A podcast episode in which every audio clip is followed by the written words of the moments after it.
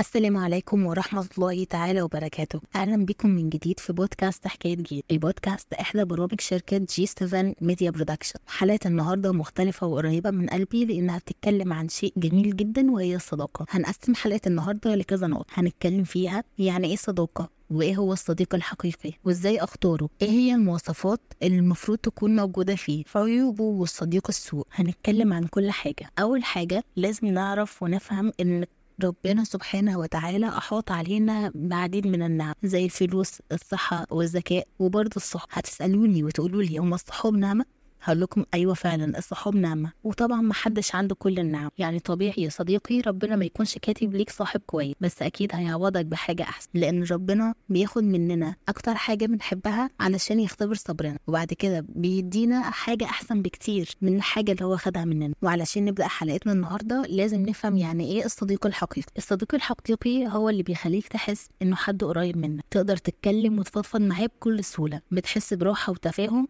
وانت معاه بيسمعك وتسمعه وتحلوا مشاكلكم مع بعض ويكون قريب منك وواقف معاك في كل المواقف مهما كانت بسيطة أو صعبة. لما بتحتاجه بتلاقيه بيهتم بيك وبيساعدك إنك تتقدم لقدام ويكبر بخاطرك ويحب لك الخير زيه وبيفكر في مصلحتك زي ما بيفكر في مصلحته. بيدافع عنك في غيابك وبيسعى لمخاطر جديدة معاك وبتقضوا وقت وتكونوا ذكريات جميلة مع بعض. الصاحب اللي بجد بيخاف عليك. وبيتكلم عنك بكل خير وبيحتفظ بأسرارك معاك وبيفرح لما بتكون حققت هدف في حياتك واللي بتسعى عليه بيكون دايما معاك فيه وبيساعدك إنك تقدر تخرج من حزنك لو أنت في مشكلة أو في موقف صعب. بالخلاصة الصاحب الحقيقي ده بيبقى نسخة عنك ودايما بيكون النسخة الإيجابية. بيحاول يساعدك لو وقعت في أي مشكلة ويوقفك ويخليك تكمل الطريق من جديد. بيخليك دايما مبتسم وسعيد ومقبل للحياة. وأهم حاجة إنه بيساعدك تقرب من ربنا علشان أنتوا الاتنين تبقوا مع بعض في الدنيا وفي الآخرة بإذن الله. وزي ما إحنا بنقول الصاحب مراية صاحبه. يعني لو صاحبك كويس فأنت هتبقى إنسان كويس زيه. والناس هتبص عليك وتقول إنك فعلا إنسان محترم. لكن للأسف لو صاحبك مش كويس هيكون سبب في تشويه سمعتك. وكمان ممكن يورطك في مشاكل.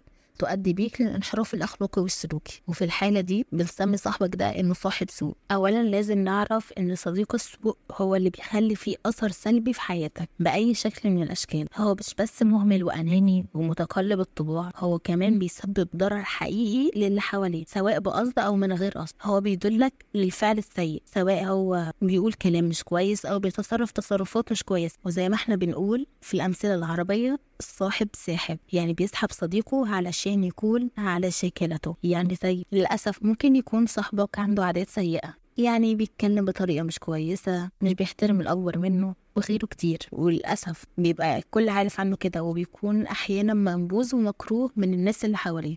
أوقات كتير بيبقى كاذب وخداع. الكذب من أكبر الصفات الموجودة عنده. فتلاقيه دايما بيكذب عليك بيألف عليك حوارات علشان تصدقه. وبيخدعك مش أنت بس لأ. كل الناس اللي حواليه. ممكن توصل معاه إنه يكذب ويخدع أهله. دايما شخص انتهازي واستغلالي. شايف نفسه الأعلى في المكان. وبيستغل الكل. حتى لو كان ده سبب إن اللي قدامه هيتضر. لكن أهم حاجة بالنسبة له نفسه ومصلحته. لو حصل أي مشكلة هتلاقيه أول واحد بيطلع من المشكلة. حتى لو كان هو سبب المشكلة. تلاقيكوا دايما لما بتطلعوا من الدرس والظهر مثلا أذن يلا يا جماعة هنروح نلعب ساعة PlayStation وننسى خالص الصلاة وتلاقيه فعلا عمال يزن عليكوا يلا هنروح نلعب يلا هنروح نلعب. ومش مهم إن أنتوا تروحوا تصلوا. ودي أسوأ حاجة فعلا إنه بيبعدك عن طريق ربنا. وللأسف أسوأ حاجة إنه يكون غيور وبيحسدك على الحاجة اللي عندك. لازم يبقى عنده قناعة إن ربنا إدى لكل شخص الحاجة اللي هو فعلا يستحقها. حتى لو هو شايف أقل من كده لكن ربنا سبحانه وتعالى شايف إنك فعلا تستحق ده. مش لازم إن أبص لحاجة كل شخص وأقول مش معنى ده عنده كذا وأنا ما عنديش كذا. قول اللهم تبارك وإن شاء الله ربنا هيرزقك زيها وأحسن منها ما دام نيتك خير. فلازم نفهم إنك لما يبقى عندك صديق سوء فده مش حاجة كويسة خالص. وما تقولش إن أنت هتصلحه. أنت ممكن إن أنت تواجهه بصفاته دي وتسيبه وتقول له انت لو اتحسنت فاحنا صحاب لكن للأسف لو مش هتقدر تحسن من نفسك فمش هينفع نبقى صحاب لأنك فعلا لو حطيت نفسك في خانة إنك هتبقى المصلح بتاعه فللأسف هو اللي هيأثر عليك وأنت اللي هتبقى وحش زيه وبالتالي أنتوا محتاجين حد تالت يجي يصلحكم أنتوا الاتنين. فحط حد للعلاقة ما بينكم ويا ريت يا ريت يا ريت لو انت عندك صاحب بأي صفة من الصفات دي حط حد ما بينكم وابعد لعند ما يتحسن وارجع تاني. ومن كلامنا هنا هننتقل لنقطة مهمة جدا وهي إيه المبرر اللي يخليني أنهي علاقتي مع شخص حتى لو كان عزيز عليا؟ وحتى لو مر على صداقتنا وقت طويل. أول حاجة إنك هتكون حاسس بعدم الراحة في العلاقة. يعني وأنت قاعد معاه حاسس إنك مش مرتاح في الكلام مش عارف تتكلم وتقول اللي عندك أو حاسس إنه بقى تقيل شوية. مش عارف تدردش وتاخد وتندي معاه في الكلام. في كلام مضايقك لكن أنت خايف إن أنت تقوله ليه. تاني حاجة إنه بيكرر نفس الموقف اللي بيضايقك. يعني مثلا في صفة موجودة فيه هي بتضايقك وأنت شايفة إنها وحشة ومش مناسبة معاك. مثلا إنه بيفضل يشكي على الفاضي والمليان. أو مثلا إنه بيتكلم على الرايح والجاي. فأنت حذرته كذا مرة إنه ما ينفعش إن هو يعمل كده. وإنه لازم ياخد قرار في اللي هو بيعمله. لكن للأسف عدى مرة واتنين وتلاتة وانت نصحته لكن لسه بيكرر العادة اللي فيه. فانت فعلا لازم تستوب العلاقة هنا لأن انت حذرته كذا مرة إن الحاجة دي بتضايقك انت سواء كان إن هو شكاء فده بيأثر عليك انت وبيخليك تحس إنك محبط أو إن هو بينم وبيغيب كتير. بيفضل يجيب في سيرة الرايح والجاي. أو مثلا تكتشف إن قيم الشخص ده مش مناسبة مع قيمك. إنه مثلا شاذ أو ملحد. بعد كده هننتقل لواجباتنا كصديق وحقوقنا. إن واجبك إنك تدعم صديقك.